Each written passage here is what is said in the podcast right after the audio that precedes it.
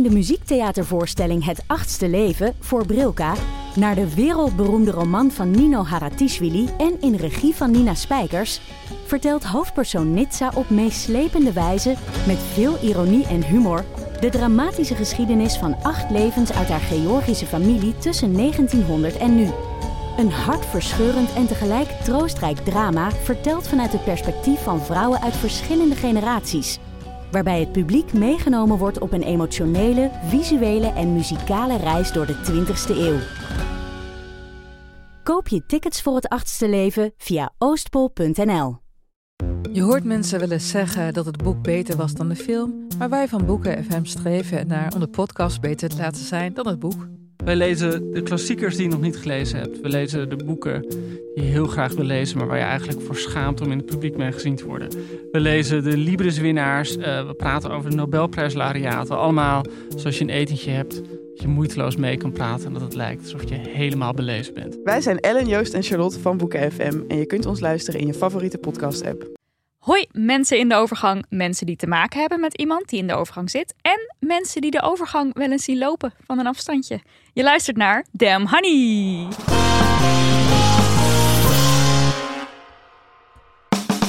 De podcast over shit waar je als vrouw van deze tijd mee moet dealen. Mijn naam is Nidia En ik ben Marilotte. en dit is aflevering 103. 103. En vandaag gaan we het hebben over, zoals Nidia al heel subtiel liet vallen in de intro, de overgang. Eh, en dat doen we met journalist Miluska Meulens. Ehm, zij presenteert De Nacht is Zwart bij Radio Zwart, schrijft columns en kinderboeken.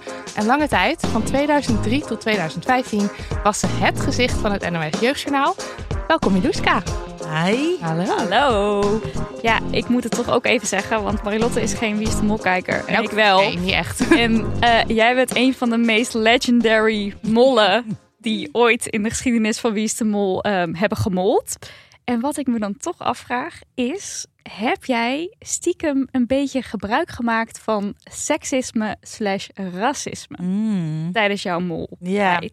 Nou, ik heb het niet bewust gedaan. Oké. Maar ik heb wel gebruik gemaakt van eh, eh, ja, die, die, dat, dat, die situatie, hè, dat is er.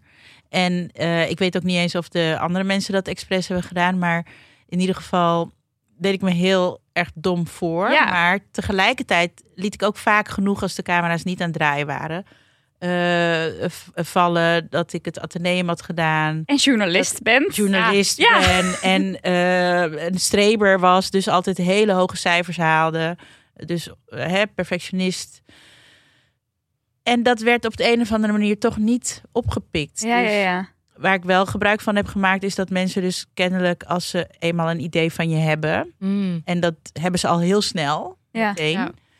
dat ze dat er niet loslaten, wat je ook voor andere signalen krijgt. Ja, want het is dus niet zo dat jij eh, buiten het filmen om ook zo, ik weet niks, ik weet Nee. niks, ik weet niks. Nee. Zo liep jij niet Nee. rond. Nee. Nee.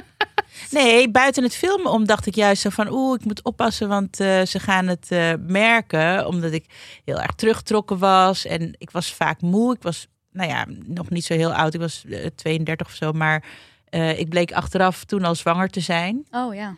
van mijn dochter. Dus ik was heel vaak moe. En dan als zij gingen stappen of wat gingen drinken... dan ging ik gewoon alvast slapen. En dus ik dacht van, oh, ik moet wel oppassen dat ze niet denken van, oeh, waarom is die zo vaak Oh ja. terug? Maar toch, dat heeft allemaal niet eh, bijgedragen aan eh, het, het idee dat ik misschien wel eens de mol zou kunnen zijn. Ja, Nou, nou heel leuk inkijkje, dankjewel. Misschien ga ik dan het oude, dat, dat, eh, dat, eh, dat seizoen wel kijken of kan dat niet? Het is een vrij legendarisch Ja, seizoen wel. Ja, volgens mij staat die ook op YouTube en zo. denk het wel, ja. Ah, Misschien zwengel ik die dan wel aan. 2006. 2006, lang geleden. Ja, Eh, ja want dat eh, kleintje waar ik dus zwanger van was, die is dus nu eh, ze- 16. Nou, hier, Wow, oké, ja, dat is lang geleden. Ja. Oké, nou, eh, straks eh, hebben we het over de overgang. Maar nu eerst deze soepele overgang naar de rubriek De Feministin. Hey. Nou, lekker hoor, Marilot. Ja, ja. Eh, niet, hoe ging jij het deze keer? Oké, ik heb een vriendin die heeft een relatie met een eh, man. En zij houdt wel van zoenen met vrouwen. En dat zou ze eigenlijk dus wel willen doen als ze een keer s'avonds uitgaat. Maar dat mag niet van hem, want hij neemt een relatie tussen twee vrouwen... of zoenende vrouwen of seksende vrouwen... net zo serieus als een relatie tussen een man en een vrouw. Zet. Dat vind ik dus jammer. En dat is heel erg van mij. Ja. Maar ik had het heel fijn gevonden als hij een ouderwetse man was geweest die zoiets had van, nou, maar dat telt niet, dus doe dat maar. Want dan had zij dat lekker kunnen doen. Ja, ja. Met jou. Nou, niet met mij, niet Oh, per se met nee? mij. Nee, maar ik vind het gewoon heel leuk als ze daarmee, als ze dat doet en als ze daarmee bezig is en als ze daar plezier uit haalt. Niet dat, ze, niet dat ik vind dat iedereen dat moet doen, maar omdat zij aangeeft van dat zou ik wel willen. En dan Ja. vind ik het dus heel jammer dat hij zegt. Nee, want we hebben een gesloten relatie. En het maakt voor mij niet uit of je met een man, een vrouw, non-binair persoon. Maakt voor mij niet uit. Dat is natuurlijk eigenlijk gewoon heel goed van hem. Ja, hartstikke feministische man. Ja, dus een Ja. feminissertje van mij. Ja. Oh wel. Ja. Marilot. Eh, ik heb rijles, zoals iedereen inmiddels wel weet, denk ik. Eh, en elke week dan zit ik eh, een uur met mijn rijinstructeur in de auto. Dat is hartstikke leuk. Eh, als ik niet in totale paniek ben, dan kan ik ook wel praten over koetjes en kalfjes en zo. En nou ja, zij leert mij rijden en ik leer haar soms dingen zoals wat validisme is of wat validistisch taalgebruik is. Ehm, vooral eigenlijk, of niet vooral, want ik vind het sowieso belangrijk dat mensen het weten, maar het is wel mijn bedoeling dat we ooit een keer in de bonus podcast komt vertellen over mijn rijskills en mijn rijbewijs. en dan kan ik niet hebben dat zij de hele tijd validistisch taalgebruik zegt en dat ik dan moet zeggen dat is validistisch. Dus eh, ik dacht ik begin nu vast.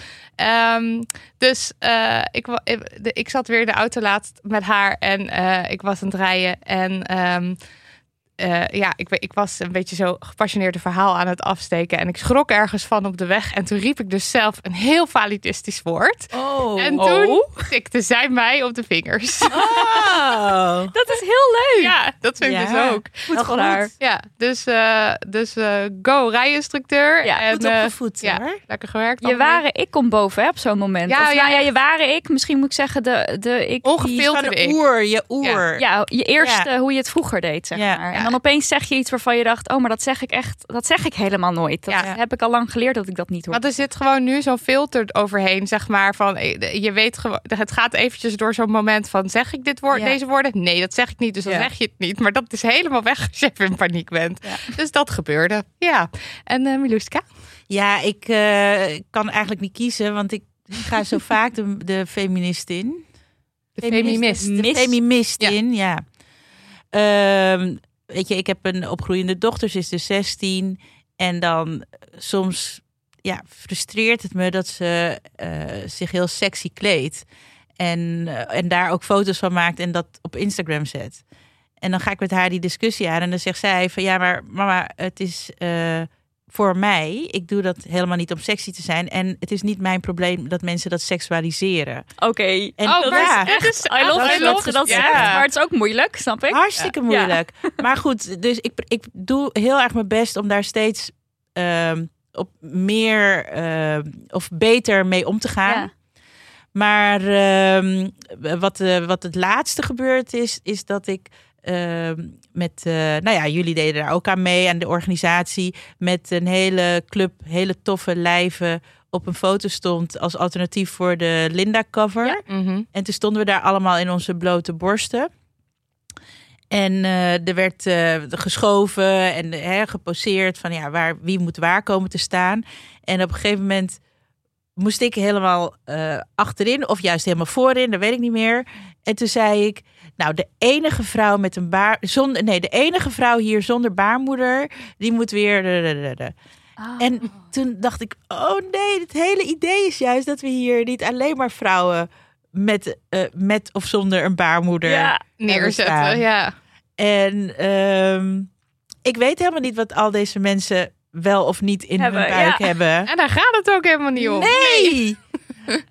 Maar dat zat bij mij nog zo hoog dat ik, ik heb vijf maanden geleden een eh, hysterectomie gehad. En ehm, dus, hè, dat speelt bij mij nog heel erg van vrouw en baarmoeder. Ja. Ja, ja, ja. ja. Dat je Maar- met elkaar verbindt heel ja, erg. Ja. ja, ja. Maar, en, en toen, wat heel ongemakkelijk was, want toen hoorde ik het mezelf de- denken. Toen dacht ik, oh shit. En- Maar ja, ik bedoel natuurlijk... eh, Ja. ja, dit is ook maar herkenbaar. ja, het werd heel, heel lelijk en heel stom. Maar ook dat is zo. En toen stierf het weg zo. En toch heb je dan nu ook weer de guts om het hier dan toch nog even te vertellen. Ja. Ja, want Want je ik kan ook daar- denken, ik heb het er nooit meer over. En dat is nee, ook want ik goed. wil juist... eh, weet je, elke dag is er weer één om eh, die taal. Die taal is zo belangrijk om Ja. Daar verbetering in aan te brengen en een stapje te zetten en het beter te doen. Zo is dat. Ja, ja, ja, klopt. Helemaal eens. Tijd voor post. Tijd voor post. Post. Post. Post. Komt-ie. Hi. Ik luister vanaf het buitenland. Ik ben erg fan en heb het regelmatig over El Mooi Podcast Hollandes. Mijn Nederlandse podcast met mijn Catalaanse vriendinnen. Ook heel leuk om zoveel Nederlands te horen trouwens. Ik blijf via jullie een beetje op de hoogte van nieuw taalgebruik. Wink. Zeker heerlijk de peerly of zo. Ja, de, de jonge, jonge mensentaal die Marilotte ik uh, denk het beheerst. uit kraam. Ja. Oké, na het luisteren van jullie podcast met Stephanie Laurier over stoppen met alcohol, wilde ik jullie erop attenderen dat jullie, als het gaat om alcohol en alcoholisme, een gendergerelateerd alcoholcultuur dingetje hebben laten liggen. Namelijk wine mom culture. Er zijn enorm veel wine mom memes en er wordt ook flink op het concept losgemarketeerd. En dus waarschijnlijk verdiend. Het idee is dat mom juice, tussen aanhalingstekens, en dan wijn dus, de zelfzorg is voor zorgende vrouwtjes. Toen ik zwanger was, begon het met: neem toch een slokje, dat deed ik ook gewoon. Toen ik bevallen was, was het, was het eindelijk kun je weer drinken. Met kleine kinderen merk ik dat moeders van school graag bij elkaar komen om dit wine mom gebeuren te doen. Ik drink wel alcohol en ik was ook blij dat ik weer een glaasje wijn kon drinken na mijn bevalling. Maar dat iedereen zo graag wil dat je drinkt en dat ik door te baren ongevraagd bij een groep hoor met dit rare alcoholcultuurtje, vind ik erg naar. Het voelt dwingend Raar. raar. Ja. Het voelt dwingend en ongezond. Het hele genre is trouwens ook heel fout. Als in deze memes of grapjes mannen voorkomen, dan zijn het diegenen waarover geklaagd wordt tijdens de mom juice momenten. Ze zijn dom, onbehulpzaam en onhandig en de oplossing is uiteraard niet gelijkwaardigheid, maar wijn. Het beeld van de vrouw wordt vaak als hysterisch geschetst, hun problemen dus onbelangrijk genoeg om opgelost te worden door middel van een glas wijn. Kinderen, baby's worden als schuldigen van drinkgedrag aangewezen, inclusief lollige rompers. Uiteraard is alles in deze hoek dan ook nog eens ontzettend wit, hetero en binair. Dus, dat wilde ik even laten weten. Ik weet niet of jullie dit concept kennen. Veel liefs, sterren. Hmm, ja, ik Ja. ken het concept zeker Ja? wel. Ja. Want wij, ik ik denk, ik denk ik ook, maar niet het woord mom juice. Nee, precies. Nee, ik kende het woord mom juice ook niet. Maar ik weet wel, eh, toen ik eh, zwanger was, zeker de eerste zwangerschap, ehm, dat ik ook dacht van, oh, wanneer mag ik weer? Wanneer kan ik weer? Ik heb niet gedronken tijdens, omdat ik, nou ja, die, dat, dat schuldgevoel, dat wilde ik mezelf ook niet aandoen. Mhm. Van je weet nooit wat er dan kan Ja. gebeuren, maar wel eh, na het borstvoeden. Dus ik heb een jaar borstvoeding gegeven, dat ik wel meteen zo aanviel Let's go. op, eh, op weet ik veel. Ik weet niet eens meer wat het was, als er maar alcohol in zat. Ja. Het glas Pinot. En, ehm, maar dat weet je wel, dat hele idee dat je als moeder heus wel een wijntje verdiend hebt na een lange zware dag met de kinderen. Het is eigenlijk heel lelijk, want waar, wat, wat je ermee zegt is dat die kinderen gewoon zo dramatisch vervelend zijn. Ja. Zo moeilijk in de omgang. Je zoveel vreugde uit het leven. Weet je, alle energie uit je zuigen. Dat je echt alcohol nodig hebt om daarvan eh, bij te komen. Ja. Nou, dat is eigenlijk heel eh, belachelijk. Ja, maar en als het zo zou zijn, dat het dus alle energie uit je zuigt en zo, dan is dat eigenlijk iets heel groots. Waar je, de, wat ook eh, Sterren schrijft, hun problemen dus onbelangrijk genoeg om opgelost te worden door middel van een glas wijn. Terwijl als je echt, als het echt jouw beleving is van moederschap of ouderschap, ja, Dan, is dat therapiewaardig. ja, of. Of, een, of een coach die misschien kan Ja. helpen met de opvoeding. Of inderdaad de ongelijkwaardige taakverdeling in huis. Dus daar moet dan echt naar gekeken worden. In plaats van met z'n allen van dit hoort er nou helemaal bij. Ik doe alles in huis. Ik ben de manager. Ik Ja, moet en de daar dan ook- verschonen. En daar dus ook zo lollig over doen. Ja. En dan het, eh, want het, inderdaad, er wordt op. Ja, ik ging het dus eventjes googlen. En er wordt inderdaad op los gemarketeerd. Want je hebt er festivals van. En dan is, de, is de quote is zeg maar: baby on the hips, wine on the lips.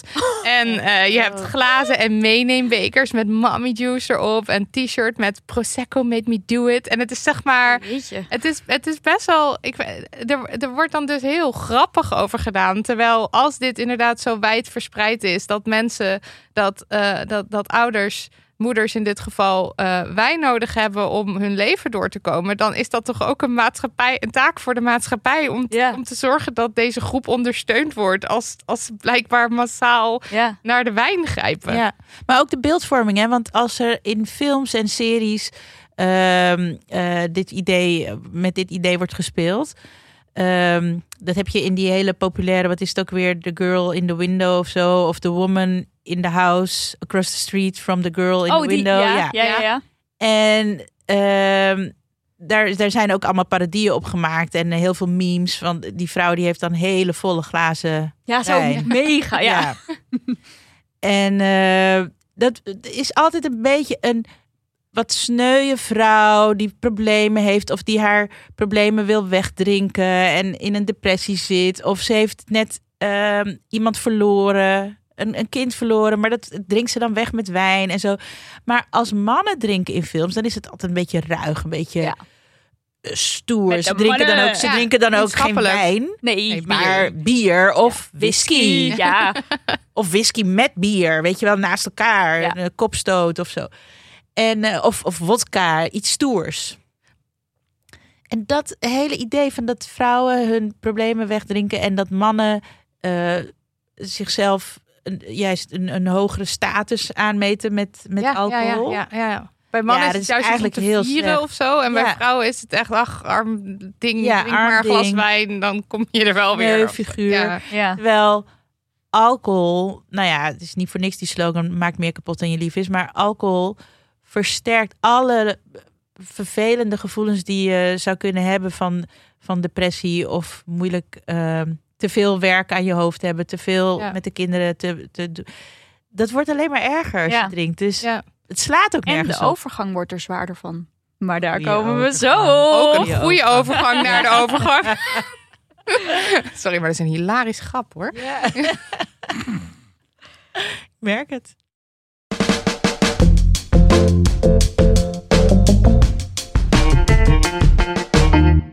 We moeten het even hebben over de overgang. En dat doen we samen met Miluska, die er zelf al een aantal jaar in zit. En zij is bij lange na niet de enige, want naar schatting zijn er in Nederland nu op dit moment zo'n anderhalf miljoen mensen in de overgang. Nou, 20% van deze groep vliegt er vrij moeiteloos doorheen. Maar voor 80% is het meer een struggle. En dan van die 80% heb je weer een derde die echt zware, heftige klachten ondervindt. Dus dat is echt wel een aanzienlijke Ja. groep in Nederland die ermee te maken heeft. Nou, je leven kan er zomaar ineens van op de kop komen te staan. En toch is het een onderwerp waar we niet per se veel van afweten.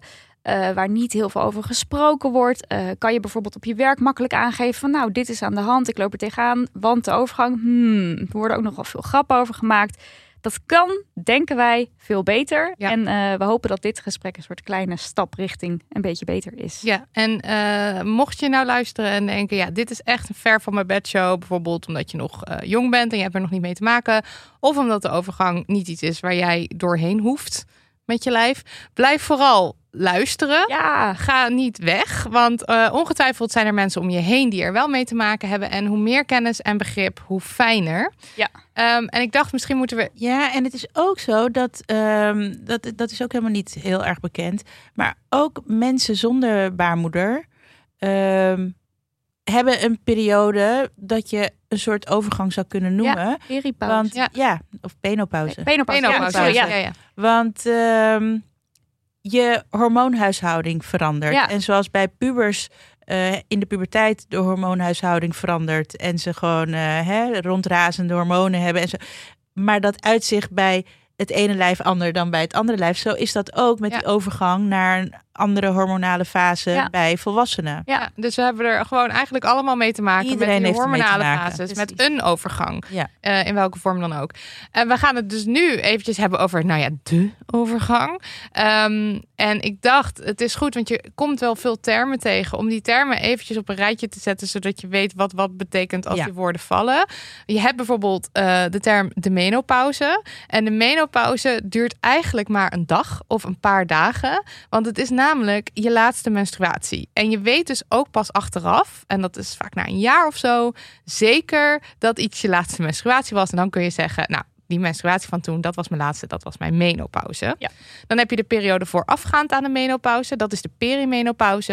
Je hebt de periode na de menopauze, dat is de postmenopauze. En de overgang zelf is dus een soort van eh paraplu-term, de overkoepelende periode. Zeg maar de hele periode vanaf de eerste tekenen dat de cyclus gaat verouderen, tot het moment dat het evenwicht in het lichaam weer hersteld is. Ja. En dat is dus niet zo dat ik ben in de overgang, dus ik word nu niet meer ongesteld. Dat Nee. kan je dus eigenlijk niet zeggen. Je kan Nee. wel zeggen, ik, ben, ik heb mijn menopauze gehad en dus word ik nu niet meer ongesteld. Ja. Dus er is veel verwarring over die termen. En dan ook nog heel even kort wat cijfers. Gemiddeld, dit is gemiddeld, dus het gaat niet per se over jouw luisteraar, maar gemiddeld beginnen de overgangsklachten rond de 45 à 47 jaar. En de menopauze, dus de laatste menstruatie, ligt gemiddeld op 51. En overgangsklachten die kunnen zo'n twee jaar, maar ook wel tien jaar of zelfs nog langer duren. Ook iets waarvan luisteraars bij ons aangaven. Ik had geen idee. Ik dacht dat duurt een maandje. Tot mijn moeder de overgang in ging. En opeens, eh wow, zie, bam, je, hoe- ja. zie je hoe lang dat kan Ja. duren. Miluska, Ja. vertel de overgang. Jij Ja. zit erin. Ja, en eh, voor mij was het dus ook pas eh, nadat ik er al in zat dat ik eh, al die dingen ontdekte en Ja. leerde. Want op de een of andere manier ben je als ehm, eh, jongere kind wel al lang van tevoren bezig met het moment dat gaat komen dat je gaat menstrueren. Ja. Ehm, daar bereid je je op voor. Je kijkt er of naar uit, of je kijkt er een beetje angstig naar uit. Maar in ieder geval, je bent er wel mee bezig. Alleen met die menopauze, ja, wel eens iets over gehoord. Maar helemaal niks over opgezocht. Weet je wel, van eh, wat is dat dan? Of hoe gaat dat dan? En ehm, dus ik zat er ineens in. De, de klachten begonnen al, maar ik ging ze eerst op allerlei andere plekken zoeken. Ja. Ook omdat de huisarts er niet mee kwam. En ehm, Dus zeg maar, jij ging met je klachten naar de huisarts. En Ja, de overgang werd niet genoemd als iets. Maar nee, werden nee, andere... nee. Ik was ook wel heel jong. Hè? Ik, bij mij was het nou ja, zo 2,43 dat ik klachten begon te krijgen. Ja. En dan eh, ja, staan ze niet meteen klaar met ehm Met de overgangsboek. En wat voor klachten moet ik dan aan denken? Ja. Ja, het, ehm, het begon ermee dat ik ineens veel somberder werd. Ik ben hè, van nature niet de meest eh, eh, feesten, feestelijk persoon. Ik ben altijd al veel aan het nadenken en een beetje aan het piekeren. Een, een tobber. Maar toen werd het wel veel erger. En Ja. ik kreeg eh, ontzettende ehm, eh, emotionele schommelingen. En had je dat ook bijvoorbeeld in, je- binnen je cyclus al? Dus bijvoorbeeld PMS, voordat je opgesteld wordt, Ja. dat je dan al heel... Ja. Oh ja. Dat Ja. had je toen ook al. Oké, ja. precies. En eh, ik werd ook steeds onregelmatiger. Dus ik dacht ook dat dat met elkaar te maken had. Dus dat het gewoon Oh ja. een, een eh, versnelde, of hoe zeg je dat? Dat ik veel vaker PMS had. Ja. Ja, ja. Ehm, omdat ik dus in, in, hè, in mijn gemoeds zo schommelde en echt ontzettend kwaad kon worden uit het niks. En nou ja, maar dat zijn niet de dingen die ik, hè, waardoor ik meteen denk aan menopauze of Nee. aan overgang. Nee, want de meeste mensen denken opvliegers. En dat is een Opvliegers. beetje eigenlijk het enige wat mensen echt Ja, wel Maar, weten. maar het, het onregelmatig ongesteld worden, was dat ook voor je huisarts niet een, eh, een teken? Nee, niet meteen, omdat ik dus altijd al wel eh, Oh, onregelmatig. Ja, ja. was. Je had niet een regelmatige cyclus per se. Nee. Nee, oké. ja. Maar het werd nu wel, weet je wel, op een gegeven moment was het gewoon alles tussen de 9 en de 60 dagen. Wat er ja, geen geen verschillen. pijl op te trekken. nee, meer. geen pijl op te trekken. Heel erg onhandig. En eh nou, ze hebben wel onderzoeken gedaan. Dus in eerste instantie kwam ik uit op ADHD. Eh, nou, dat vind ik fijn, omdat ik weet dat ik nu, dat ik nu weet dat ik ADHD heb. Ja. Ehm, maar we kwamen ook uit op, op vleesbomen. Had ik altijd al, maar die waren heel erg gaan groeien. Want die groeien lekker op die eh, ongesteldheidshormonen. Ja. Ja. En die kwamen vaker voor. dus, als je om de negen ja. dagen opeens eh Ja. Dan gesteld maakt dat wordt, dan heb je de hele tijd. Ja. Ja. dus we, we, we zijn wel eh, al onderzoekende op heel veel dingen gekomen. Maar op een gegeven moment, ja, ik was al aan de pil gegaan. En ik was al ehm, aan de ADHD-medicatie gegaan. En ik was al in therapie gegaan voor die sombere buien. En het hield maar niet op. Mm. En het ging maar door. En ik ging vitamine B12 bij slikken, omdat ik in een documentaire eh, onderzocht had wat ik voor tekorten had door mijn veganistische levensstijl. En het hield er gewoon maar niet op. bovenop. Je Ja. had alles eigenlijk Ja. al. Ja. En het bleef gewoon maar doorgaan. En totdat ik op een gegeven moment in, dat was in 2016 of zo, zei van nou, en nu wil ik opnieuw onderzocht worden en op eh, menopauze. Want je kwam zelf met dat, Ja, met dat idee Ja. dat dat het zou Ja. kunnen zijn. dus ik zei van nou, ik wil opnieuw naar het ziekenhuis, ik wil naar een gynaecoloog, niet meer naar een man. Eh, want ja, dat is me gewoon echt totaal niet bevallen. Dat vind ik ook heel raar. Ik snap ook niet waarom het zo lang zo is geweest dat vooral mannen gynaecoloog waren. Ja. Ja, nee, Puntje, ja. puntje, puntje. Ja, ja, allerlei en- vraagtekens. cisgender, cisgender mannen hè, Ja. ik dan ook nog. Ik denk van why? Maar goed, eh, hè, dat was nou eenmaal zo. En ik zei van nee, ik wil geen man. Desnoods heel lang op de wachtlijst, maar ik wil gewoon een vrouw. Kreeg ik gelukkig een hele fijne vrouw. Een hele jonge vrouw. Toevallig ook uit Curaçao. En eh, die eh, somde alles bij elkaar op. Deed bloedonderzoek en zei tegen mij van ja, maar je zit gewoon in de perimenopauze. Ik zo Ja. in de peri wat?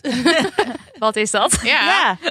Nou, daar zijn ze perimedipauze. En van haar heb ik dus een heleboel geleerd. Ook boeken aangeraden gekregen. Francine Omen had toevallig net een boek Ja. geschreven over de eh, menopauze. Ehm, en daardoor kwam ik er dus achter dat al die vage klachten, als je die allemaal bij elkaar optelt, dan weet je dus gewoon dat je in die, eh, in die fase zit. Ja. En met, die, ehm, eh, met dat bloedonderzoek erbij was het gewoon echt zo klaar als een klontje. Ja. En hoe voel, voelde, eh, voelde je opluchting of, of dat je dacht, jemig, nu al de overgang? Zeg maar, welke gevoelens had je erbij? Ja, nou, ehm, ik vond het wel fijn. Ik vond het sowieso fijn om te weten eh, waar het allemaal door kwam.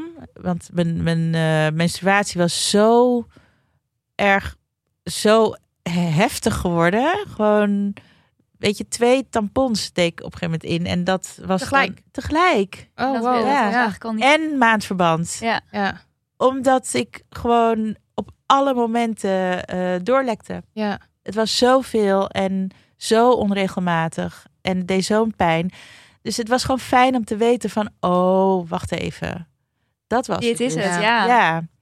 En eh, daardoor voelde ik ook minder schaamte om het heel voorzichtig met eh, vriendinnen te gaan bespreken. En wat bleek, er waren meer mensen om mij heen die een hele beroerde eh, ongesteldheid doormaakten. Ja. Ehm, echt gewoon heel bloederig en, en explosief. En gewoon, gewoon echt niet fijn. En ook niet handig. Want wat kan je nog doen als je de hele tijd door bang moet zijn dat je kleren onderkomen? ja, want dan ga je het liefst gewoon eh 24-7 op de wc zitten Ja. en, eh, en je het huis niet verlaten. Ja. Ja. En zij hadden ook nog niet zozeer door van dit, is, dit zou de overgang kunnen zijn. Nee, dat was dus eh, op het moment dat ik daar ehm, al die onderzoeken naar deed en dat te horen kreeg, toen kon ik dat ook tegen hen zeggen van Ja. nou, Ja. eh, ik zou het maar eens even gaan laten onderzoeken. Ja. En had jij het er bijvoorbeeld binnen je familie wel eens over gehad? Want dus ze zeggen dus van eh, trends zetten zich binnen je familie voor. Dus hoe jouw ouder, je moeder of eh, je, je ouder ongesteld is, eh, in de overgang is, dat gaat iets zeggen over hoe jij het waarschijnlijk gaat ervaren. Ja, nou dat geldt wel voor de, de menstruatie. Want mijn moeder was heel vroeg en ik was ook heel vroeg. Want ik was tien toen ik voor het eerst ongesteld werd. Mm. Dus ik vond het ook niet zo heel raar dat ik heel vroeg in die overgangsperiode kwam. Ehm, wel vervelend dat je dan het vooruitzicht hebt dat het dan nog heel lang gaat duren. Maar kan gaan duren. Maar ehm, ik had niet zoveel aan eh, de, de kennis van mijn moeder. Want die had net als ik ook heel jong een hysterectomie gehad. Ik heb eh, vijf maanden geleden een, een grootste, het grootste deel van mijn baarmoeder eh, laten verwijderen. En eh, mijn moeder die had dat ook rond diezelfde leeftijd. Toen was zij 38. Ja. Oh, dus zij heeft het, het, de overgang daar in die zin niet meege. Of tenminste, zij had dan sowieso andere klachten of andere verschijnselen dan jij. Ja, nee, mijn moeder die eh, was dus wel eh, jong dat ze ongesteld werd, maar niet zo jong dat ze op de 38ste al in de overgang was. Nee. Nee, precies. Dus eh, toen bij haar de baarmoeder werd eh, verwijderd, kwam ze meteen acuut in de menopauze. Ja. Ja. Omdat ze niet meer ongesteld werd.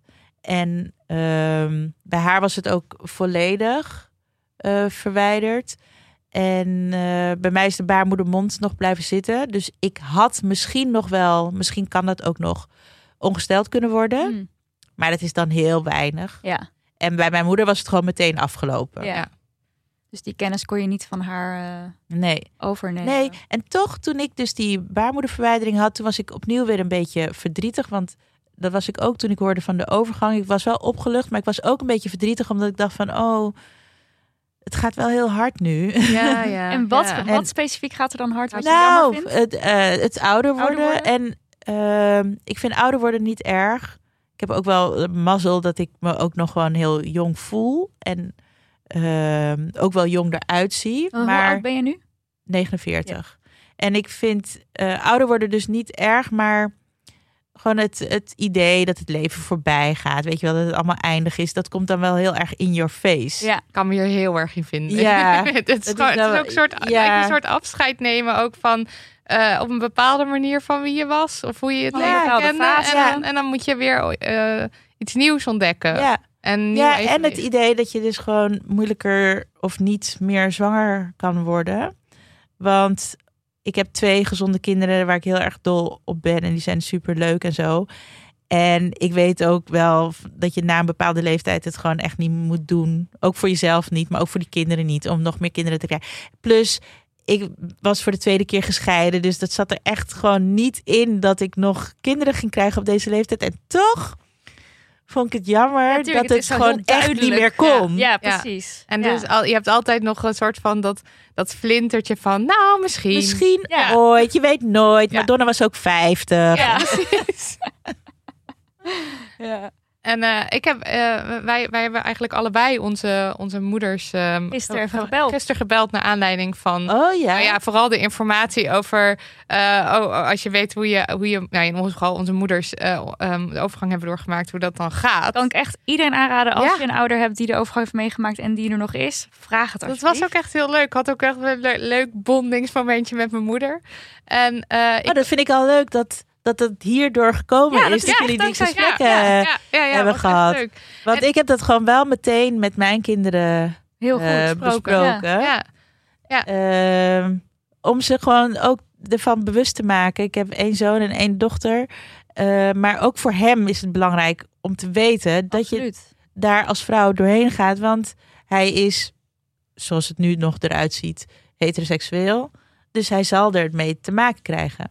Maar sowieso heeft hij een zus en een moeder. Ja, Dus en ook ik wil we dat in de hij zich daar al van bewust is. collega's, Ja, en wij- vrienden, wij- weet je wel. En wij lopen dit ook altijd te roepen over menstruatie. Van er zijn zoveel mensen die met menstruatie te maken hebben. Je moet er wel alles over weten. En iedereen moet gewoon kennis en bewustzijn en zo. En het voor de overgang geldt hetzelfde natuurlijk. Daar hebben gewoon heel erg veel mensen mee te maken. Ja. Nou, en ik sprak mijn moeder dus. En ik, ik, ik had van tevoren even bedacht, wat, had, wat heb ik nou meegekregen van de overgang? Nou, vooral de opvliegers. Ik weet ook wel dat mijn zusje en ik daar vroeger eh, grapjes over maakten als zij dan Ja. dat had. Want dan werd ze opeens zo heel rood. En dan was het opeens, oeh, ik heb een opvlieger. Ja. En zo herinnerde zij zich het ook. Zij heeft, ze zei, ik heb vooral last gehad van, of last. Ik had opvliegers en stemmingswisselingen, maar ze deed er eerlijk gezegd wel heel, ehm, hoe noem je dat? Eh, eh, Nonchalant over. nonchalant over. Ehm, maar toen vertelde ze dus wel, want ik vroeg, heb jij er met jouw moeder over gepraat? Dat, dat had ze dus niet per se. Maar ehm, er, mijn oma heeft er dus heel veel last van gehad. Als in Oh. eh, echt ehm, psychosomatische klachten, onverklaarbare pijnen, die niet eh, door, die, die niet zeg maar ehm, me- lichamelijk, eh, hoe noem je dat, aanwijsbaar waren. En op een gegeven moment, omdat oma de hele tijd van alles had, werd ze doorgestuurd naar een specialist. Waarvan ze er pas toen ze op de gesloten afdeling bij de psychiater. Ze werd niet opgenomen, maar ze moest daar naar op consult. Eh achterkwam dat dat dus een psychiater was.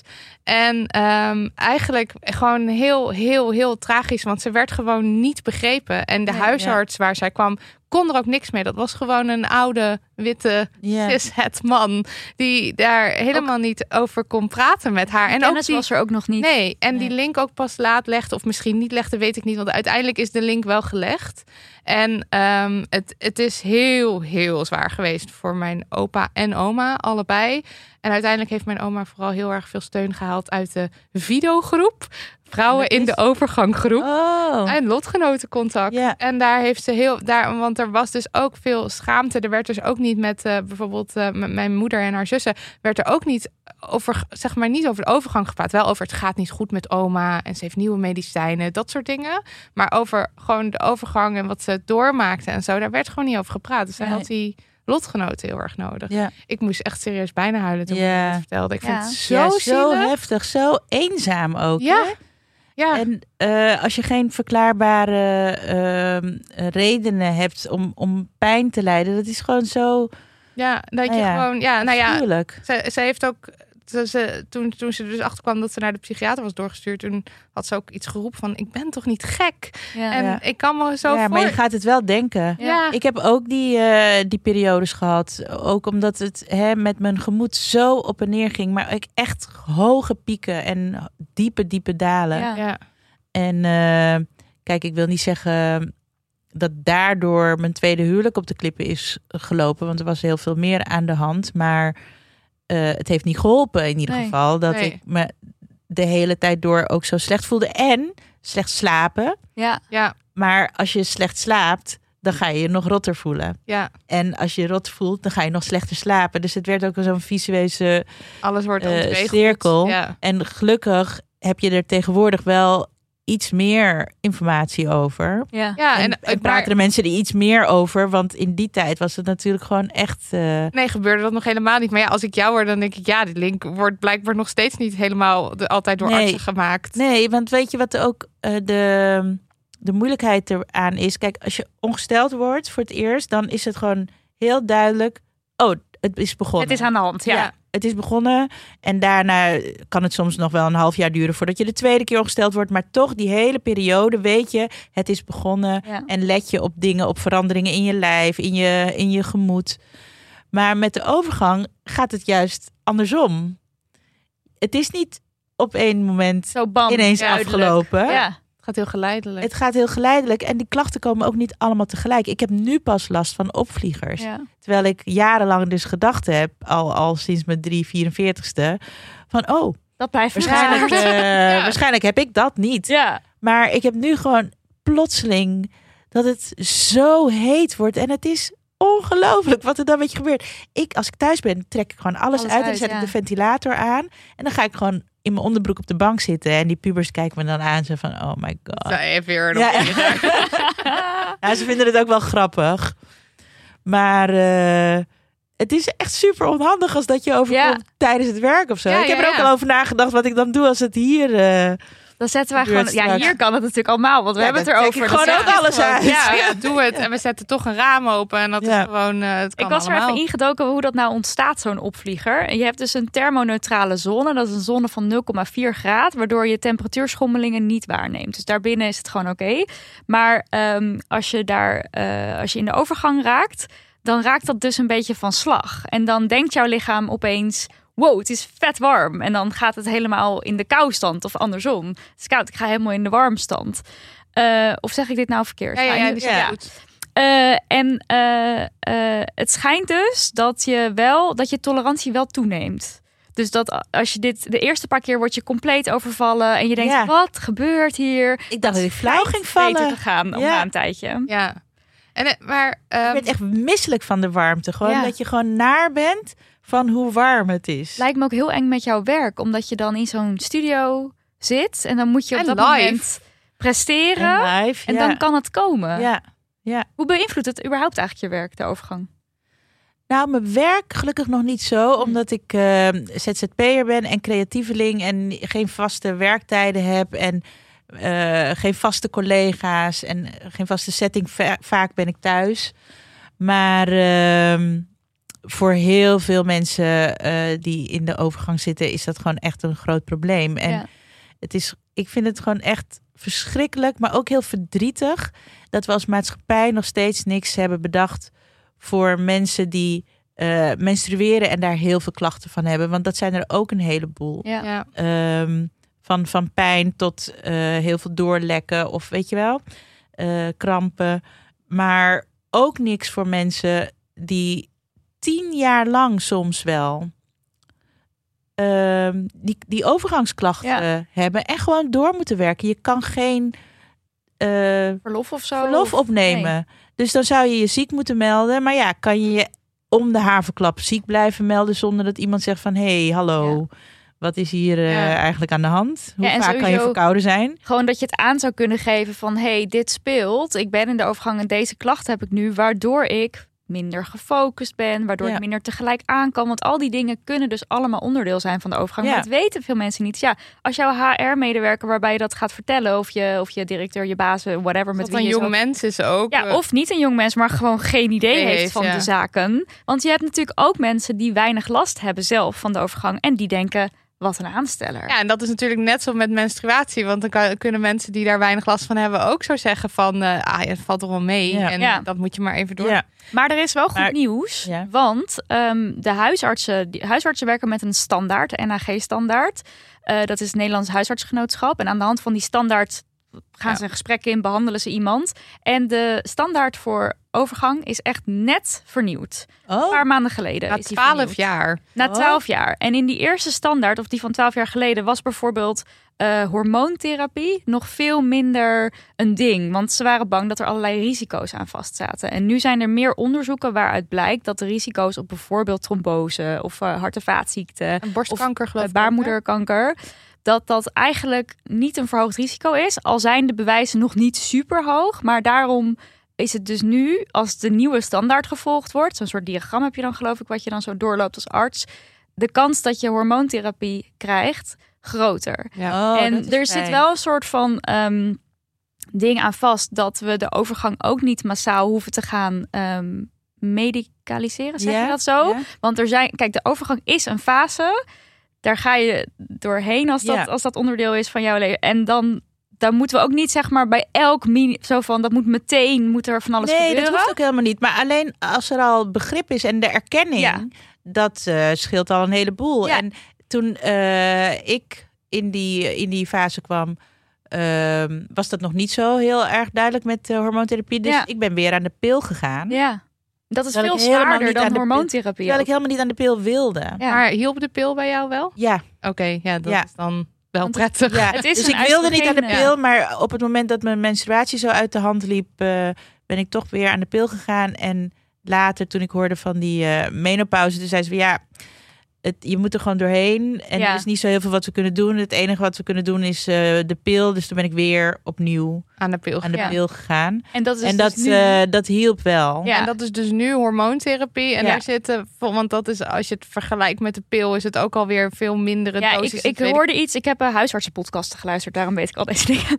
Ik zal ze ook in de show notes zetten. Iets van drie weken anticonceptiepil is een jaar lang eh, hormoontherapie. Oh. En zolang je eh, onder de vijf jaar hormoontherapie blijft, you're okay. Dat is nu wat ze denken. Of tenminste, dan Ja. blijven de risico's. eh, Ja. ehm, eh, ja, en vijf jaar is vaak gewoon helemaal Al voldoende, voldoende. om een soort van. Het is gewoon eh, de overgang is een overbruggingsperiode. ja. Dus daarmee kan je al heel veel redden. En dan krijg je dat in de vorm van of een pilletje, of bijvoorbeeld gel is er wat je kan smeren, of een soort spray of een pleister.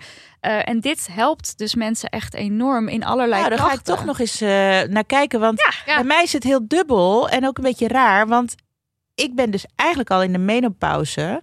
Doordat ik die baarmoederverwijdering heb gehad. Ja, Eh, en ik ben sinds die baarmoederverwijdering niet meer ongesteld geworden. maar toch heb je dan nog overgang. Maar ik heb nog wel mijn eierstokken. Ja, Oh ja, en dan ja. heb je dus. en de ik heb dus nog die hormonen wel. Ja. En ik heb ook nog, misschien, waarschijnlijk, ovulatie. Ja. Hoe onregelmatig Ah, ja. Ja, en dat zou je dan. Alleen ik word niet meer ongesteld omdat die baarmoeder, eh, het, het grootste deel van die baarmoeder weg is. En, ha- en ha- doe jij nog aan iets van eh, ehm, Tracker. tracken of zo? Dat je bijhoudt of er een soort van. ehm, eh, of je op bepaalde momenten in de maand je bepaald, op een bepaald soort manier voelt. Verandering in stemming of. Ja, nou, dit, dit- toevallig nu, op dit moment, ben ik extreem moe. En eh, gisteren of eergisteren was ik ook echt super zagrijnig. Echt alles irriteerde me. En toen dacht ik van, goh, zou dit dan zo'n ovulatiemoment eh, zijn? Dat ik eigenlijk PMS had gehad. PMS Ja, Ja, Als dat ik- kan. Dat kan. ja. ja. Dat is wel Dus dat, interessant, eh, maar je kan ja. het dus nu, omdat je dat moment van menstrueren niet meer hebt, kan, Ja. kan, je, er, kan je er helemaal geen pijl. Ja, Kan je ja, helemaal maar dat was vroeger zo. Dan eh, voelde je rot en, en, en zagrijnig en Ja. eh, moe. En dan eh, werd je de volgende dag ongesteld. denk je van, oh ja, dat was het dus. Ja. Maar dat heb ik nu dus, eh, heb ja. ik dus niet meer. Maar ik zou nog wel iets aan die hormoontherapie eh, kunnen hebben. Want toen ik aan de pil was, ik wilde niet het hele jaar door aan de pil zijn. Mhm. En ik wilde ook af en toe checken. ehm, of mijn cyclus al weg was. Ja, Dus dan stopte ik weer een tijdje en dan pff, was het er weer. aanwezig.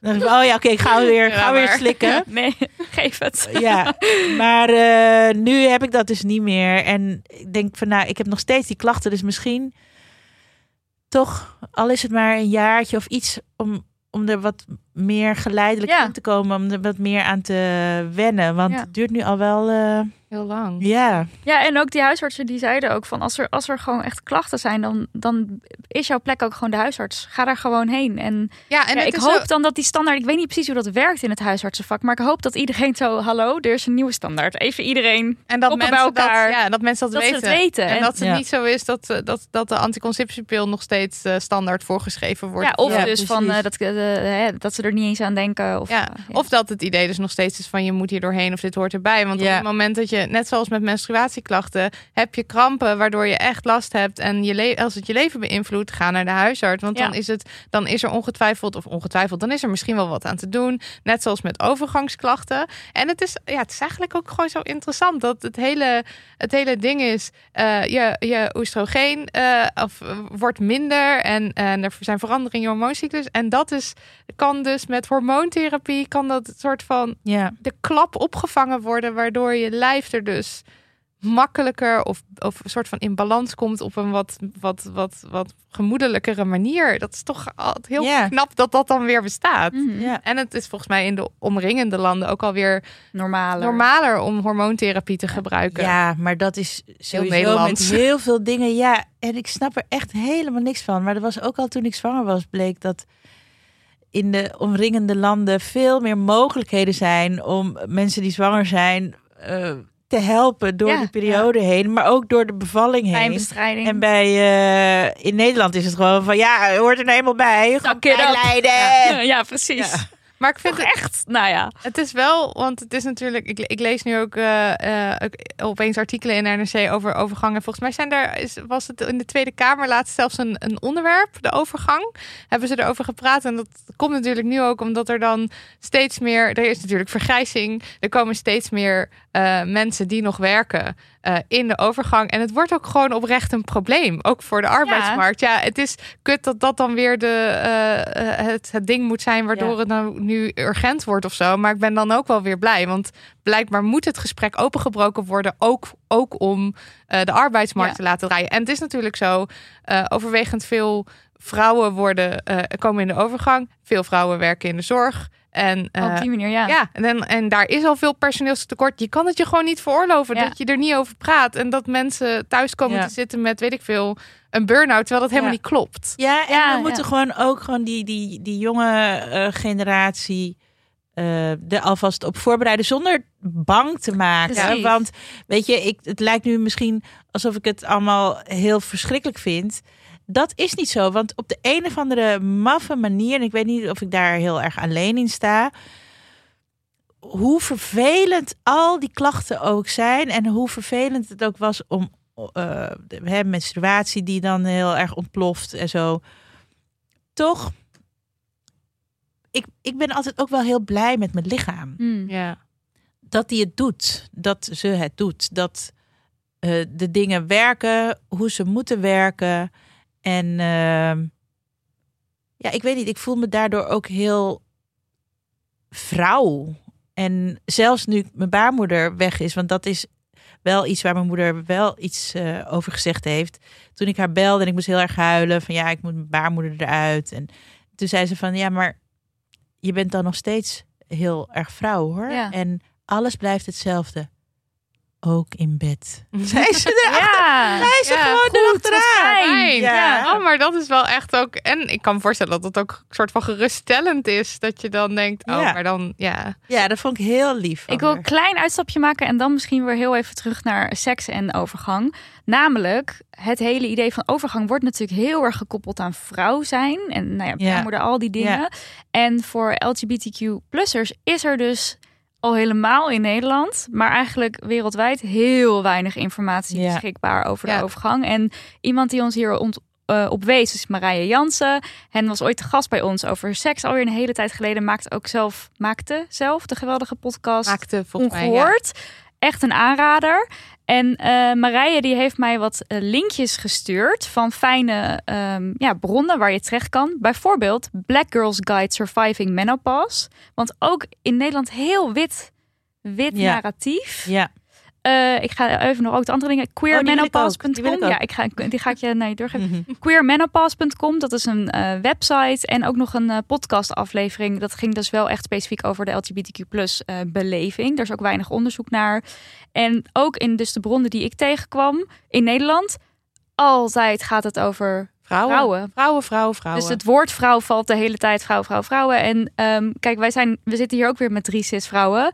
Dus we kunnen niet eh, spreken vanuit bijvoorbeeld non-binair persoon of transman in de overgang. Maar ja, er, als het zo gekoppeld blijft worden aan vrouw zijn, is natuurlijk de overgang ingaan ook weer. Daar zitten ook weer allerlei gevoelens en dingen en kunnen erbij zitten. ja, ja. Ja. dat Dus dat is echt belangrijk dat daar ja, Maar ik meer. heb wel, ja, maar ik heb wel goede hoop hoor. Want eh, zoals het met meer dingen in, in onze samenleving. ehm, komt er nu ook meer en meer ruimte voor. Dat ook eh transmannen en. ehm, nou ja, ook. Nee, niet, niet transvrouwen. Nou ja, Non-binaire of personen non-binaire misschien, ja. personen, dat die ook eh, hun ervaringen kunnen Ja, gaan ja. delen. en ook onderling misschien. Ik hoop ook dat dat meer en meer gaat gebeuren. Want ik kan ook niet praten vanuit precies. dat. En, en weet je, jij zegt dan LHBTQI. En dan denk ik van ja, maar het geldt toch alleen maar voor eh, transpersonen en non-binaire personen? Toch voor, voor cisgender, Nou, lesbische ehm, vrouwen is je er toch niet seksualiteit- iets anders? Nou ja, dat, dat, de, wat ik las, kijk, ik kan daar dus ook niet over spreken, maar dat je gender en seksualiteit de beleving van de overgang kunnen beïnvloeden. Dus wellicht Oh, als jij, ja, qua seksualiteit of de manier waarop je seks hebt, I don't know, hè. Ik bedoel, ik Ja, ben maar ook kijk, maar, als je nu... maar dat kan allemaal invloed daarop hebben. Ja, en ik denk, nou, ik, ik moet dus nu weer denken aan mijn oma die, die in die videogroep zat. En dat de, mijn, mijn moeder zei, ja, de- toen hadden ze het ook wel heel erg dat ze het dan lastig vonden in relatie tot hun mannen. Dat waren heteroseksuele relaties. Ja. Mannen konden er, nou ja, toen niks mee. Ik kan me dus voorstellen dat in een heteroseksuele relatie en je gaat in de overgang en je bent zelf weer heel je lijf aan het leren kennen en iemand heeft daar, jouw partner heeft daar weinig begrip voor of snapt het niet. Ja, of misschien je bent samen tegelijkertijd in de overgang. Ja, maar een ja, en relatie. dat is in, de, in er een zijn vast relatie natuurlijk allerlei dingen ja. waar, waar ik me dus, wat ik, ja, ik ben ook niet in de over, ik heb eigenlijk, ik zit hier nul. Ja, ik ben heel Nul experience. hoe ik, hoe ik al- als lesbische ja. vrouw misschien in een lesbische relatie op dat moment in de overgang ga en hoe je dat dan meemaakt. Ja, en ook hoe dat, bijvoorbeeld- ja, je hebt wel gehandicapte meer mensen. steun, denk ik. Ja, of in ieder geval, tenminste als je erover praat en als je het snapt en als het dan, ja. ook bijvoorbeeld gehandicapte mensen of mensen met een beperking of chronische ziekte, zeg maar, Ja. daar zitten natuurlijk ook weer eigenlijk al die intersecties waar we, waar we heel vaak op terugkomen. Ook rondom de overgang mag dat eigenlijk veel meer aandacht krijgen. Ja, Ja, zeker. Want wanneer is het bijvoorbeeld je eh ME die eh, heviger is, of is het toch overgangsklachten? Dat, Ja. dat is allemaal weer, gaat dat weer door elkaar heen. En ik kan me dus ook voorstellen, omdat we het net al, we hadden het net al even kort over seks, bij overgang en, en seks, dat is denk ik als een onderwerp waar mensen dan zo, hoe. Maar eh, als het gaat over ehm rolstoelgebruik, mensen die gehandicapt zijn, daar is seks nog meer zo'n onderwerp waar, men, waar Ja, mensen niet aan dus dat durven komt te er dan raken. En dat komt Ja. er dan bij en dan wordt Ja. er helemaal niet meer over gepraat. En dat Ja. is toch gewoon. Ja, of dat het dus is van hè, seks, maar je hebt toch helemaal geen seks. Dat is ook, Ja. ook als je bijvoorbeeld als 65-jarige, je bent eh, in de overgang of je, je ervaart eh, bijvoorbeeld pijn tijdens de seks en dat dan een arts zegt, ja, maar je bent, vijf- weet je Ja. wel, jij Of wil nog nou, seks. Maar het hoeft toch ook niet meer. Precies dat. Ja. ja. Oké, seks. Ja. Kunnen we het daar kort over hebben? Let's talk about sex, Ja. baby. Let's talk about Hoe, eh, hoe sta jij erin om daarover te praten?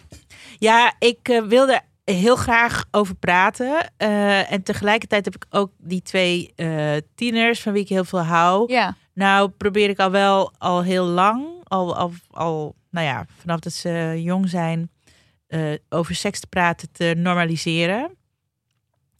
Omdat ik het, nou ja, eigenlijk heel belachelijk vind dat daar nog zo'n taboe Mhm. op, op hangt. En ik snap wel dat het ongemakkelijk kan zijn met je kinderen of met je ouders. Hè, je hoeft ook niet alles aan elkaar te vertellen. Maar ik vind het wel heel fijn dat mijn kinderen leren dat seks gewoon iets is waar je over kan praten. Waar je over Ja. moet praten zelfs. En ehm, dus daarom dacht ik van nou, we gaan het gewoon proberen.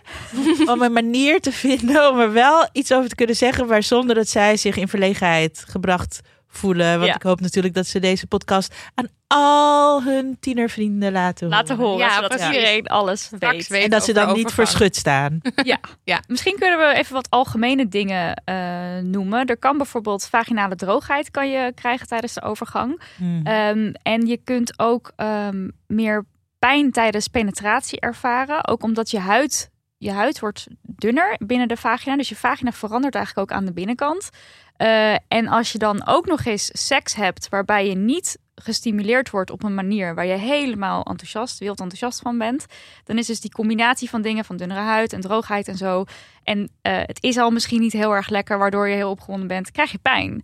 En dit is een soort eigenlijk algemeen ding, geldt voor iedereen. Ik hoor... Pijn tijdens seks zorgt ervoor dat je niet denkt, nou, ik heb er weer zin Ja. in. Ja. En dus eh, krijg je minder zin in seks. Maar het is dus niet zo dat overgang gelijk staat aan, dus heb je geen zin meer. Dat is echt onzin. Nee. Maar door die klachten, doordat het pijn gaat doen, daardoor, of nou ja, de stemmingswisselingen, weet je wel, er Ja. zijn zoveel dingen gaande in je, in je lichaam, in je hoofd. Nou, Dat maar is het ook niet iets eh, en dan denk ik puur aan het verschil tussen eh, een, een 17-jarige die nergens anders Ja. aan kan denken en een 49-jarige die misschien wel heel veel andere dingen heeft.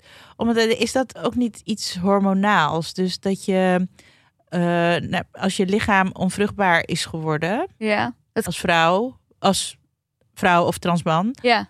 of non-binaire, je lichaam is onvruchtbaar geworden, dus staat minder in de de- stand om is te de seksen. noodzaak. Ja, Ja. de, de, hè, wel eh, psychisch wil je het misschien nog wel, maar lichamelijk is de. Maar ik denk dat dit ook er niet. weer voor mensen ook wel weer heel erg verschilt. Dat dat, ik weet niet of je, of je Nee, dat... maar ik bedoel Het zal er biologisch. zal Ik er bedoel, ongetwijfeld wel bedoel mee te puur maken biologisch, want Maar wat ik die hele seksdrive is ook bedoeld.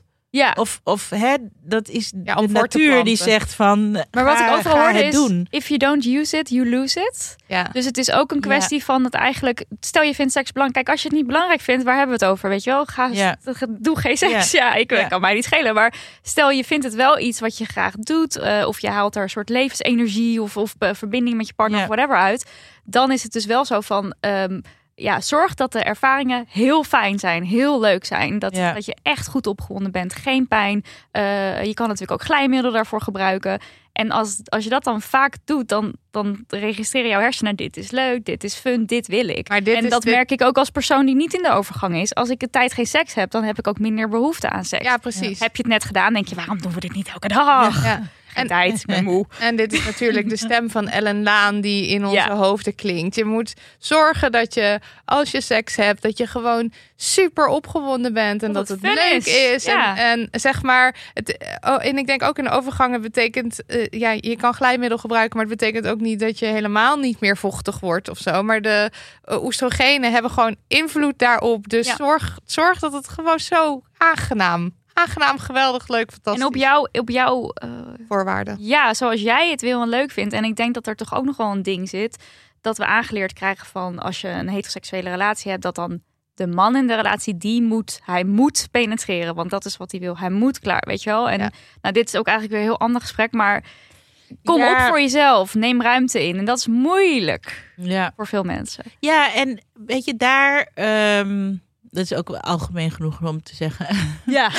ook daarin ehm, speelt denk ik mee dat als we als samenleving erkennen eh, dat ook mannen en transvrouwen door een bepaalde periode gaan Ja. waarin eh verschil is, dan hebben die mensen die eh, geen baarmoeder hebben ook niet het idee dat ze zich zo moeten blijven gedragen in bed Precies. Ja. Het geldt als voor daarvoor. iedereen. Ja. je, je lichaam verandert, je hormoonhuishouding verandert. Dus het is niet erg om met z'n tweeën of drieën of hoe je het ook wil te gaan kijken naar wat verandert Wat er dan ook seksueel ja, en eh, hoe gaan we het voortaan doen. precies. Ja. Het hoeft niet altijd zo te blijven gaan zoals je het in het verleden deed. Ja. Ja, helemaal eens. Ja. Ik, En eh, dat is zo leuk als je dan gewoon dat met elkaar kan, kan uitvinden. En dan komt die lol ook weer eh, om de hoek kijken. Dat hoop je dan, ja. Ja. Ja. Ik ga even kijken bij de vragen van de luisteraars. Ja, want we hebben allerlei vragen gekregen. Maar mijn document is heel veel pagina's groot. Ik zag dat jullie in- zeiden van vraag Miluska anything overgang. Hebben Ja. mensen echt ook vragen Ja, ingestuurd? ja, ja, heel veel. Ja. Bijvoorbeeld deze. Ja. Kan het ook gewoon leuk of oké zijn? Ja, ja. En dit is eh, denk ik ook omdat we hebben eerst gevraagd... wat weet je van de overgang aan de mensen die niet of nog niet in de overgang zijn. En dan krijg je dus vooral depressie, opvliegers. Het is, het is een en al Ja. angst. En eh, ik denk ook dat dat komt natuurlijk ook omdat we er niet genoeg over praten... of er niet genoeg van weten. Dus eh, ja, dan vind ik deze vraag... ja, vind, kan het ook gewoon leuk of oké zijn? Ik snap Ja, het je heel had goed. natuurlijk Ja. daarnet ook al deels antwoord op gegeven. Ja. Voor jou. Nou, want dat is dus wat voor mij is dat ik denk van, nou oké, het is fijn dat er een periode is waarin je kunt wennen aan eh, ouder worden en wat dat met je doet. Dat het dus niet iets is wat heel plotseling gaat, maar dat het geleidelijk gaat. En dat je er vast ook kunt op kunt instellen van wat dat voor jou betekent. Ja. En ik vind het gewoon ook heel fijn. Maar ja, ik weet niet hoe direct dat met de overgang te maken heeft. Maar het heeft in ieder geval te maken met ouder worden. Ehm, de, ik ben nu veel blijer met mijn lijf. Ik heb nu twee littekens in mijn buik zitten. Eén keer van die baarmoederverwijdering en één keer van een keizersnede.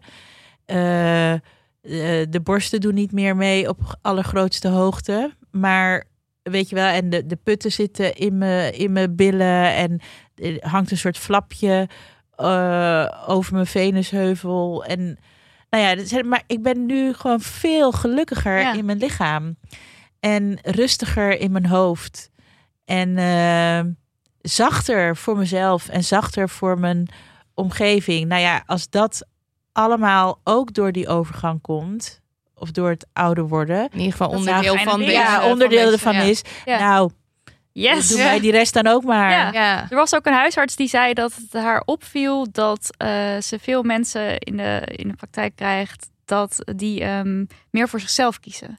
En ze zei van ik weet niet of dat nou zozeer is door hormonale veranderingen of gewoon inderdaad door de leeftijd, maar dat dus mensen in de overgang zoiets hebben van ik heb altijd gezorgd, ik heb altijd voor iedereen klaargestaan en Nu ben ik eindelijk eens een keer klaar Ja. mee. Ja, want Ja. dat is ook iets wat nog helemaal vergeten wordt. En ik vergeet dat ook heel vaak. Ehm, dat idee, dat, dat zorgzame wat heel veel mensen hebben in een bepaalde periode van hun leven. Gewoon omdat je nou eenmaal erop geprogrammeerd bent dat je eh, moet voortplanten. Hè? Ja. En, en ehm, voor, voor die jongen moet zorgen, want hè, anders gaan ze dood. En Ja. dan gaan we allemaal eraan. Maar dat komt dus te vervallen. Ja. Want je hebt ook niet meer dat gevoel van ik moet zorgen. Er is meer ruimte. Eh, Ja, er is meer ruimte voor, je, voor jezelf. Ja. Nou, dat heb ik ook ervaren. Ik vind dat eh, heel erg fijn. Ja. Ik durf gewoon vaker voor mezelf te kiezen zonder dat ik dan meteen me schuldig voel of eh, hè, denk van dat ik egoïstisch ben of zo. Het klinkt eigenlijk ook wel weer gewoon heel bevrijdend op een bepaalde manier. Ja. Zeker. Ja. Maar ik hoop gewoon, eigenlijk zou ik willen voor iedereen die na mij komt. eh, Hè, voor mij is het nu te laat, maar voor mijn dochter en voor jullie, dat je daar ook alvast op kunt eh, voorbereiden. Ja, Vroeg ook gewoon- iemand, hoe kan je je mentaal en fysiek op voorbereiden? Nou, al puur alleen door dit soort, denk ik, gesprekken aan te gaan met mensen. Ja. Of te luisteren naar wat Ja, andere Misschien mensen ook erover in te zeggen hebben. lezen over wat er gebeurt, gewoon daadwerkelijk. Ja, Fysiek. precies. Pak een boek erbij Ja. en eh, eh, lees het of neem een gesprek. hè, ga in gesprek met iemand. Want op het moment dat het dan gebeurt, ben je niet zo, eh, voel je niet zo door overvallen. Ja. En duurt het niet zo lang voordat je denkt van hé, hey, misschien is het wel dit. Want ik ben blij met alle dingen die ik heb uitgevonden, maar het heeft wel heel lang geduurd Ja. ehm, voordat ik wist van nou, ik ben niet alleen maar eh, in een depressie.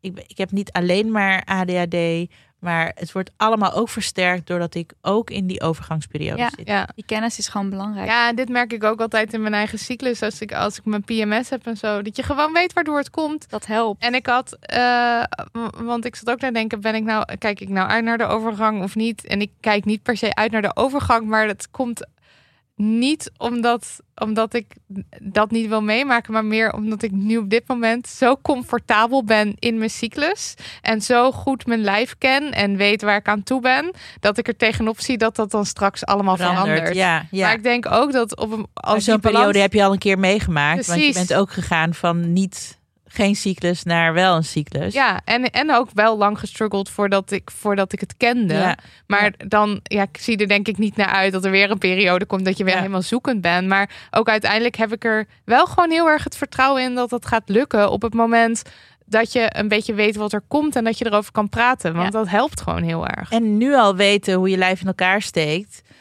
helpt ook straks Precies. weer. Want dan Ja. ga je eerder merken van dat iets anders gebeurt dan wat je gewend bent. Ja. En ehm, eh, waar het ook voor helpt is, ik moest er dus heel erg aan wennen dat, je, dat ik niet meer zoals in mijn cyclus kon ik precies aanwijzen van nou dat zijn de periodes. Nou dan lust ik er wel pap van. Ja, En eh, dan wist ik het ook van hoe ja, ja. dit, dit is de goede, dit is de feestperiode. en dat heb ik nu niet meer. ja dat Dus nu moet ik gewoon op andere signalen letten. Ja. Of op een andere manier ervoor zorgen dat ik in die feeststemming kom. ja. En, ehm, En wat als je al je dan? eerder, als je dan eerder daarmee bezig bent en ervan hè, bewust bent dat dat dus op die manier kan gaan gebeuren, dan kan je er dus ook al op, eerder op inspelen. Ja. Ja. En heb je manieren gevonden om een beetje Of wil je die niet delen? Nee, ik denk dat dit dan weer een beetje te veel eh, is is voor. Duidelijk. Ik wil nog even een paar dingen zeggen die je fysiek kunt doen om je voor te bereiden. Stoppen met roken. Ja, het zijn niet per se leuke dingen. Als je rookt is het niet leuk om te stoppen. Maar roken heeft veel invloed eh, op de overgang. En kan ook zorgen dat je twee jaar eerder in de overgang komt. Alcohol heeft ook veel eh, invloed op de overgang. En Dus je klachten. geen wine Geen mindman Nee. momenten. Eh, en bewegen is eh, eh, belangrijk. En ze kunnen dan niet zozeer zeggen van... oh, het helpt echt eh, tegen die en die klacht of zo. Maar eh, mensen die dan bijvoorbeeld een half uur gaan wandelen eh, per dag... die geven wel een hogere kwaliteit van leven aan. Ja, bewegen sowieso maak je Precies, dopamine ja. aan en dat is fijn. Ja, Ja. dus Ja. Dat, dat helpt gewoon. En eh, krachttraining, dus spieren. mm, Ja, als jij al met een fit lijf of een lijf dat gewend is aan sport de overgang ingaat, dan, zal dat, dan kan dat helpen. Ja. Dus fysiek, ja, ja. Dus eigenlijk altijd weer dat, dat riedeltje van, nou ja. eh, en, en ik denk ook eh, het, eh, regelmatig leven is toch ook altijd wel. Slapen, tuurlijk. Ja. Ja, Slapen, ja, ja. want je slaapt, Ja. ja. ja, maar slapen is echt heel lastig. Maar dan geef ik nu wel de tip die die hele leuke, toffe gynaecoloog mij toen had gegeven. Ehm, veel mensen die in de overgang komen, die merken dat je niet meer doorslaapt. ja. Ehm, dus dat je s'nachts heel vaak wakker bent. Ook als je niet meer drinkt twee uur voordat je gaat slapen, word je toch nog weer wakker. En ehm, dat geeft van die gebroken nachten en dat is Mhm. heel vermoeiend. Eten voordat je naar bed gaat. Ja? Oh, dat Ja. is echt een concrete. Iets lichts, ja, iets lichts. Een cracker of zo. Eh, een crackerbakje yoghurt, wat je ook, Iets, ja. hè, eh, geen eh, hele zware maaltijd, Nee. maar gewoon iets eten, want het was iets met het eh, verteren of ehm, ja, het verteren van voedsel, ehm, waardoor je s'nachts wakker wordt omdat je honger hebt. Oh ja. Oh. Nou ja, ja. Kijk, ja, een hele je, concrete je, tip. Ja. je hersenen geven dan het signaal aan van hé, hey, hallo, er moet gegeten Ja. worden, wakker worden. En ehm, als je iets eet vlak voordat je gaat slapen, dan rek je dat moment even en dan kan je het tot de ochtend Toch wat beter. volhouden. Ja. Ja. Nice. En iemand vraagt nog: hoe kun je collega's, vrienden, moeders die in de overgang zitten steunen? Ja, goeie. Nou ja, de, ik, gewoon door er ehm, niet moeilijk over te doen, maar er ook ruimte voor te bieden en, en te luisteren als er iets is, niet te lachen. Wel grapjes maken. Grapjes maken mag natuurlijk altijd, maar niet uitlachen. Nee, Ja. niet ten Of belachelijk maken. Ja. Eh, of zeggen van nou, je stelt je zo aan. Ehm, eigenlijk zoals je met iedereen om zou willen gaan die iets heeft. Wat Ja. het ook is. Iets heeft wat jij misschien zelf niet kent. Maar ehm, waar je wel, als je een goede vriend of collega of eh, familielid wil zijn. Gewoon even tijd voor maakt om daarnaar te luisteren. En te vragen van wat heb je nodig? Wat kan ik doen? Ja. Ja. Want soms kan het misschien zo simpel zijn als heel even iemand alleen laten. Of juist even Precies. gezellig een avondje, weet ik veel, iets leuks. Precies. Of eventjes een ventilator tegen iemands ik, hoofd ik, houden. nu- ik zit nu al te Heb je kijken er een? Nee, ik Gooi, wil gooi even lekker dat raam een- open, een Marilot. waaiertje of zo. Ik moet Eh, even een waaiertje seconde. in mijn tas eh, stoppen. Pak jij even... Oh ja, nee, dat is een goed idee. Of een boek. Ja, je mag ook een boek. Hier, Damn Horny, ons seksverhalenboek. Dat doet altijd goed om af te koelen. Ja, Eh, die wil ik. Wat is je tip als je huisarts je niet serieus neemt? Waar kan je dan terecht? Ehm, ik zou dan... eh, Dit is toch, dit is toch eh, Maak even een foto. ja, dit is en gewoon is niet om je uit te lachen, maar gewoon dit is het leven. ja. Dit is het leven en tijdens een podcast over de overgang gebeurde dit. je dan En met een seksverhaal misschien, eh, misschien red ik het gewoon totdat het klaar is. Maar het, is, eh, het komt gewoon heel plotseling op. Ehm, wat als je, je de huisarts je niet Ja. serieus neemt. Want jij hebt echt Ja. een hele lange periode doorgemaakt. Ja, van nou, gewoon- onderzoeken. Ja, eh, eisen. Ja. Je mag het gewoon eisen. Je mag gewoon zeggen van nee, maar ik ben het daar niet mee eens. Ja. En mensen denken heel snel dat wat de huisarts zegt, dat dat klopt. Maar de huisartsen weten ook niet alles. Nee. Ik heb ook wel eens met huisartsen aan de telefoon gezeten die eh, van mij moesten horen dat er iets bestond. Oh ja, überhaupt. Ja. En eh, je kan het gewoon eisen. En je kan wijzen op die nieuwe standaard. Je kan wijzen Je kan zeggen, standaard. hallo, er is Ja. een nieuwe standaard. En het is Volg het diagram maar, of weet zoiets. Ja. En het is heel belangrijk dat ook als jij het gevoel hebt dat jouw problemen niet belangrijk genoeg zijn, dat je daar doorheen beukt en Ja, gewoon wel. en Ja. denkt het is wel belangrijk genoeg. Want dit hoor je veel te vaak dat je dat mensen zich klein maken. En zeg maar iemand zoals jij, Miluska, je hebt natuurlijk ook een beetje een soort van je journalistisch journalisten aanpak, Ja. aanpak. En je denkt ook, ik onderzoeken. duik Ja. erin en ik ga hier tot de bodem. En eh, dat hoorde ik ook toen bij eh Roos Slieker, die over migraine kwam praten. Die ook gewoon ge- allerlei dingen heeft geëist van artsen. Maar je moet ook wel weer, ja, eh, niet iedereen staat zo Nee. stevig Nee, in zijn niet schoenen. iedereen durft dat ook. Maar Weet je moet gewoon mag. weten. Je moet gewoon weten dat je een, een huisarts is een soort voorportaal. En natuurlijk, die heeft onwijs lang gestudeerd en heeft heel veel kennis, maar weet niet alles. En jij kent je En- lichaam het best. Precies. En ehm, als je al heel onzeker aankomt van ja, misschien zou ik misschien, dan eh, krijg je iets anders voor eh, terug dan als je zegt van joh, ik wil een verwijzing voor een gynaecoloog. Ja. En eh, als de huisarts dan zegt van ja, waarom? Dan kan je wel opnoemen waarom, maar je kan wel daarin gewoon het voortouw nemen door te zeggen van nou, uiteindelijk, ik zit hier met jou, ik snap dat dat moet, maar ik wil uiteindelijk naar een specialist. precies. Ja, Ja. ja, ja, ja. Ja. En er was ook nog iemand die vroeg om tips om om te gaan met hot flashes. Nou, je kan Nou. dus eh, een Damn Horny boek. kan je. Maar ik dacht dus ook, ik moeten wij niet Damn Horny waaiers gaan maken of zo? Want ik heb ook Oh, regelmatig ja. ben ik oververhit. Alsjeblieft. En die, ja, kan, je, je en die kan je ook Ja. in de slaapkamer leuk gebruiken. Ja. Precies. Dus eh, Maar een waaier in je tas is sowieso heel, Heel goed goed idee. Ja, Ja. ik heb er gewoon nog niet aan gedacht, omdat dit nog maar net begonnen Ja, is. Eh, Gewoon nog wennen. En, Maar eh, eh, andere tips voor hot flashes hoorde ik ook in die, in die huisartspodcast. Is ook een soort van. eh, ja, soms is het, kan het leven dan ook soms even, even iets vertragen. En dat je dus gewoon Ja. ook daadwerkelijk langzamer beweegt. Ja. Ja. En ik doe dat. eh, ik denk, ik weet niet of ik hot flashes heb. Maar ik heb wel regelmatig rondom. eh, vlak voordat ik opgesteld moet worden. Echt. Ik weet niet. Ik, ben, ik lijk wel 10 graden warmer. Zou dan zomaar een hot flash kunnen denk zijn dat hoor. het zou Ja. kunnen. Ja. Ehm, en dan, het is ook, ja, op een gegeven moment, ik, ik, ja, ik, Gooi het ik uit. beweeg me ook gewoon half bloot door de stad. Ik praat erover. eh, een, een waaier in mijn tas lijkt me heerlijk, dus ik denk Ja, dat ik, ik dat ga dat doen. doen. Ja, Ik ga dit ook doen. en ja, omarmen denk ik ook maar. Het is ook gewoon even wat het is dan. Precies. Ja. Ik wil nog even één comment van een luisteraar. En dan moeten we denk ik gaan, langzaam gaan afronden. Ja. Eh, maar dit is eh, iemand die zegt... Dit is misschien een beetje gek, maar ik ben een studerende meid van 23 jaar... en ben al drie keer in de overgang geweest en er ook weer uit. Dit omdat ik vanaf mijn zestiende al kamp met onverklaarbare klachten...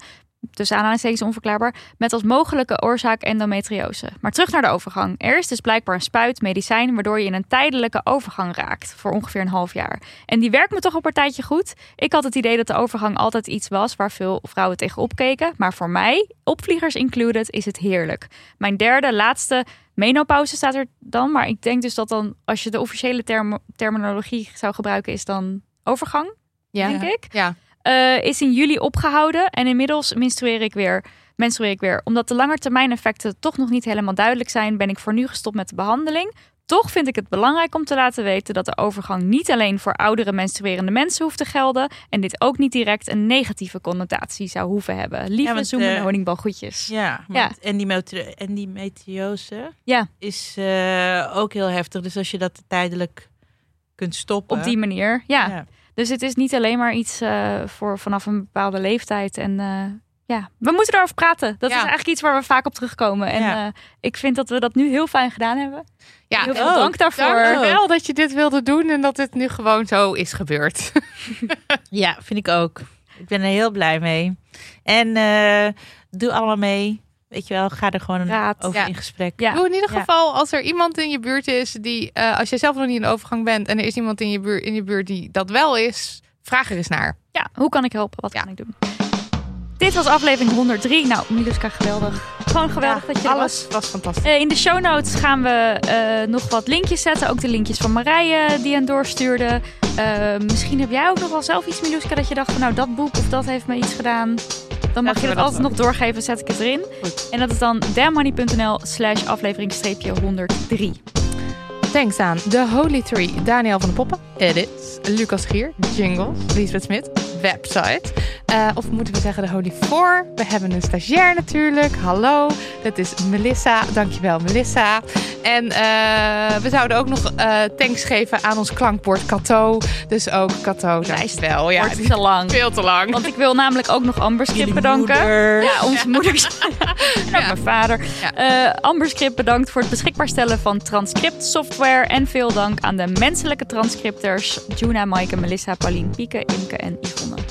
Stuur post naar info.damhoney.nl. Of geef geld op Damhoney. Nee, wat is het ook weer? Netje slash damhoney. Beetje af, het komt er Damhoney. Of niet. Zelf weten. Doei. Doei. Doeg.